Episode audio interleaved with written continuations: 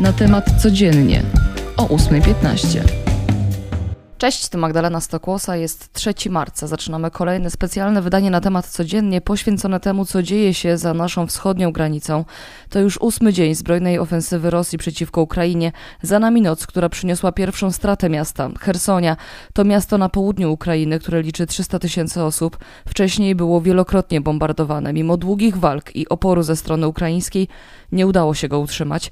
Jak podaje agencja AFP, mer Hersonia Igor Kołyczajew poinformował, że w budynku budynku miejskiej administracji rozmawiał z przedstawicielami rosyjskich sił, prosił, by nie strzelali do cywili, a tych w ciągu siedmiu dni, jak podaje Państwowa Służba do Spraw Sytuacji Nadzwyczajnych w Ukrainie, zginęło już ponad dwa tysiące.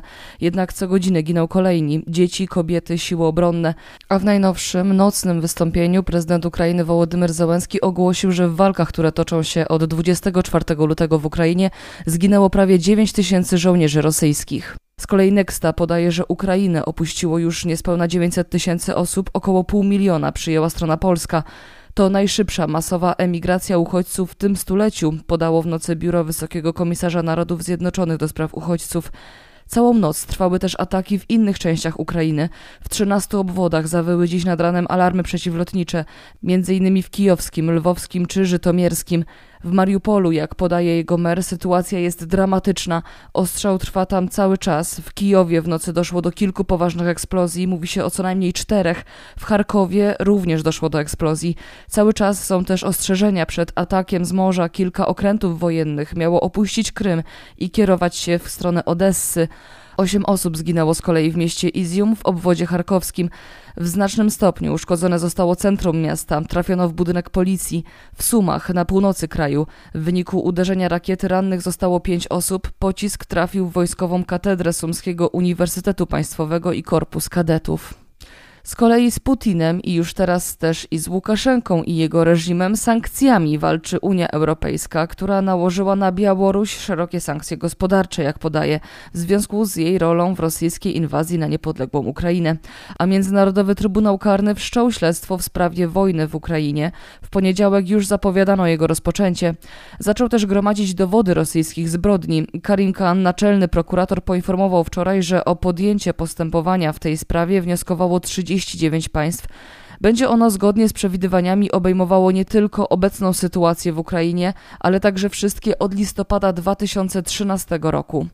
Z kolei za nami spotkanie Rady Bezpieczeństwa Narodowego. Prezydent Andrzej Duda apelował o jak najszybsze podpisanie ustawy o obronie ojczyzny.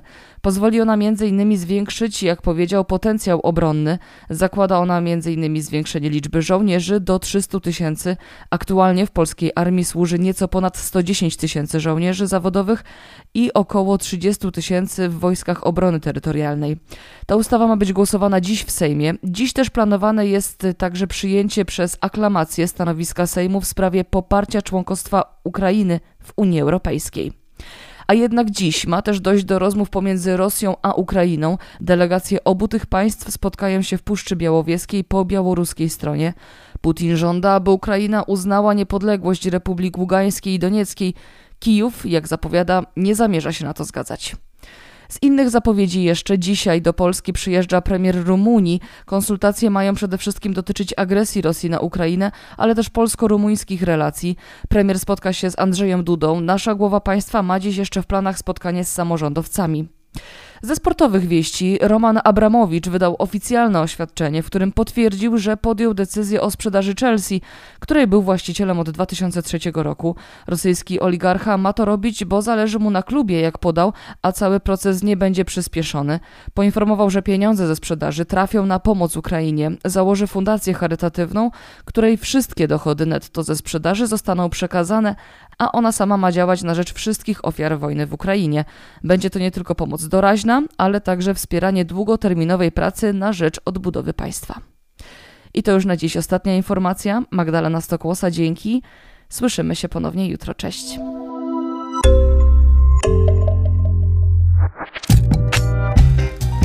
Na temat codziennie o 8.15.